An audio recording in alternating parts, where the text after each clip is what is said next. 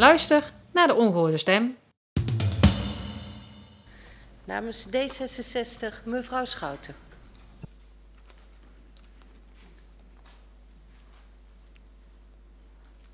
Voorzitter. Voor ons ligt de programmabegroting Dongen 2022-2025. De laatste begroting van deze bestuursperiode. Deze draagt de optimistische titel Ruimte voor de toekomst. D66 zet hier een vet vraagteken achter. Want hoe staat het na bijna acht jaar gezamenlijk besturen met de erfenis die de Volkspartij Dongen, de Dongense VVD en de PvdA voor de volgende gemeenteraad achterlaten? Is er inderdaad voldoende ruimte voor de toekomstige generaties in Dongen?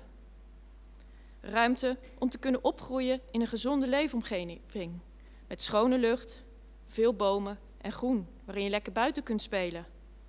Ruimte voor gelijke kansen in het onderwijs. Ruimte voor een eigen woning, ook als je geen vaste baan hebt. Ruimte voor zorg en aandacht voor de kwetsbaarste inwoners die dit nodig hebben.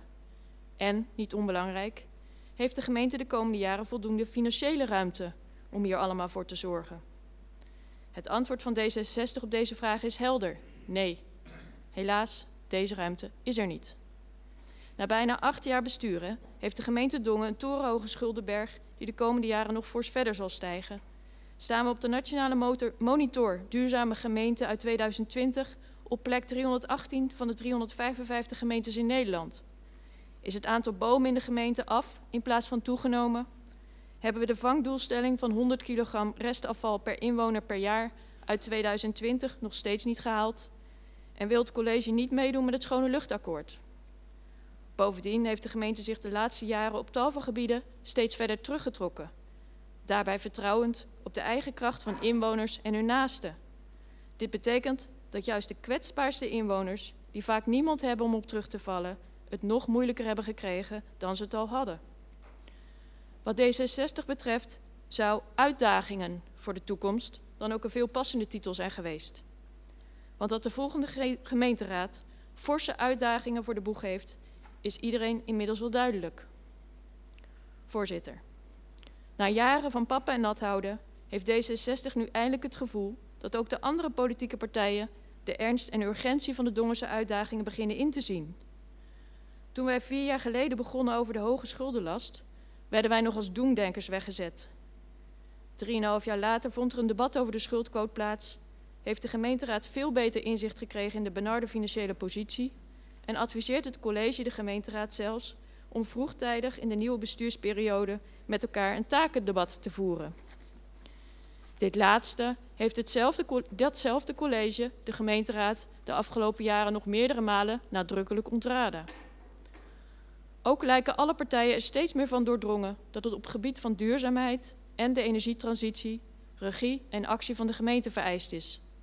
Het college heeft dan ook voorgesteld om de inzet van de financial close van het project Zonnepark Tichelrijd te reserveren ter dekking van duurzaamheidsprojecten en de uitvoering van de transitievisie warmte. Hier had D66 al meermaals op aangedrongen en we zijn dan ook blij met dit voorstel. Al zijn we van mening dat dit bedrag alleen lang niet toereikend zal zijn om alle doelstellingen te halen. Verder heeft de gemeenteraad het afgelopen jaar start gemaakt met het onderwerp democratische vernieuwing. Gezamenlijk zijn we op zoek naar een andere manier van besturen, waarbij inwoners meer en eerder betrokken worden, moeten worden bij, hen voor, bij voor hen belangrijke onderwerpen. Zo werd enkele weken geleden een eerste pilotsessie met een rondetafelgesprek gehouden. Wij beseffen dat er nog veel werk aan de winkel is, maar het begin is er. Voorzitter, dit alles zorgt ervoor dat D66 tot, toch wat optimistischer vooruitkijkt naar 2022. Ja, Dong heeft ontzettend grote uitdagingen voor de boeg. Maar met de neuzen van de diverse politieke partijen dezelfde kant op en een sfeer van bereidheid om samen op zoek te gaan naar de beste oplossingen voor Dongen, is er in de komende bestuursperiode een heleboel mogelijk. Daarbij is het wel van groot belang dat de positie van de gemeenteraad wordt versterkt. Een takendebat vroeg in de bestuursperiode zal hier zeker aan bijdragen. Verder is het noodzakelijk dat de gemeenteraad voldoende ondersteuning krijgt om de inwoners zo goed mogelijk te vertegenwoordigen. Dit betekent niet alleen uitbreiding van de huidige bezetting van de Giffy naar 2,5 FTE-formatie, maar ook een betere ondersteuning in bijvoorbeeld de communicatie naar inwoners. De communicatieafdeling van de gemeente zou hier wat ons betreft ook een rol bij kunnen en moeten spelen. Voorzitter, naast deze randvoorwaarden ter versterking van de slagkracht van de gemeenteraad heeft D66 tijdens de kadernota al aangegeven welke inhoudelijke keuzes er volgens ons de komende jaar gemaakt moeten worden. We focussen ons hierbij, net als in de vorige jaren, op een begroting met een socialere en groenere basis. Socialer, omdat de gemeente in onze ogen juist moet zorgen voor de kwetsbaarste inwoners. En groener, omdat het tegengaan van de klimaatverandering onze grootste uitdaging is voor een leefbare toekomst. Wat betreft het eerste punt. Socialer betekent extra aandacht en zo nodig aanvullend budget voor armoedebestrijding en schuldhulpverlening. Zeker bij gezinnen. Hierbij mogen de gevolgen van de stijgende energieprijzen niet over het hoofd worden gezien. Daarnaast zijn wij van mening dat kinderen en ouders bij een complexe scheiding preventief meer aandacht verdienen. Bij het nieuwe inkooptraject voor jeugdzorg kan hier extra het accent op worden gelegd. Uiteindelijk verwachten wij dat dit op de langere termijn een positief effect zal hebben op de benodigde hoeveelheid zorg. Ook vinden wij dat er nog meer moet worden ingezet op gezondheidspreventie in samenwerking met de verschillende zorgverleners. Dongen is al een joggemeente, wat betekent dat we ons best doen om de leefomgeving van kinderen en jongeren gezonder te maken. D66 mist in dit beleid extra aandacht voor voldoende groen en bomen in combinatie met uitdagende speeltoestellen om lekker te kunnen spelen in alle wijken van Dongen. Daarnaast is voldoende bewegingsonderwijs door vakdocenten een belangrijk onderdeel van deze aanpak. Voor ons is dan ook van groot belang dat de geplande sloop van Gymzaal de Otterdonk er niet toe zal leiden dat kinderen die in de Biezen naar school gaan minder bewegingsonderwijs zullen krijgen dan kinderen op andere basisscholen in Dongen.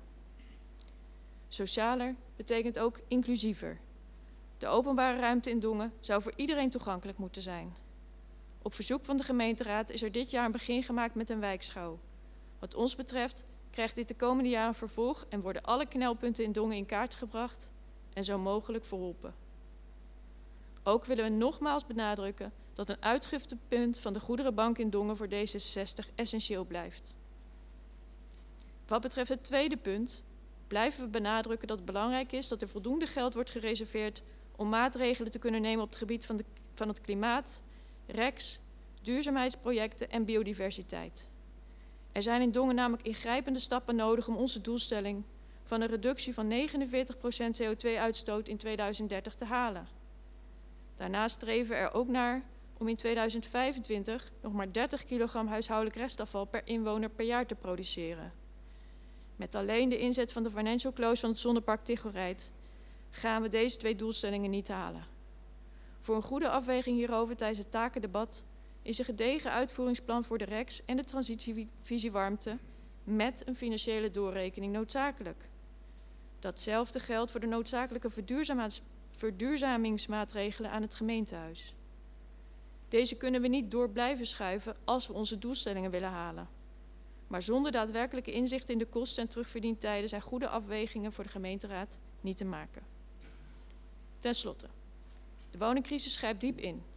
Veel mensen in Dongen, onder meer starters, ouderen, mensen met een modaal inkomen en naar ik inschat ook veel gemeenteraadsleden, willen graag weten hoeveel betaalbare woningen in Dongen gebouwd gaan worden, voor welke doelgroepen en wanneer. Is het mogelijk dat het gemeentebestuur onze inwoners een concreet perspectief kan bieden voor de komende jaren?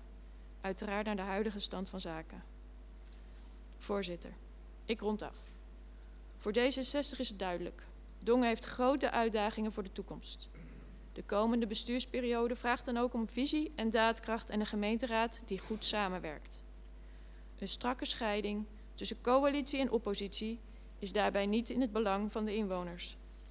D66 is dan ook een voorstander van om in de volgende bestuursperiode een akkoord op hoofdlijnen te sluiten. Dit zou ertoe moeten leiden dat de onderlinge samenwerking verbetert en het makkelijker wordt om met wisselende meerderheden tot besluitvorming te komen. Dank u wel. Dank u wel, mevrouw Schouten. Restzetel.nl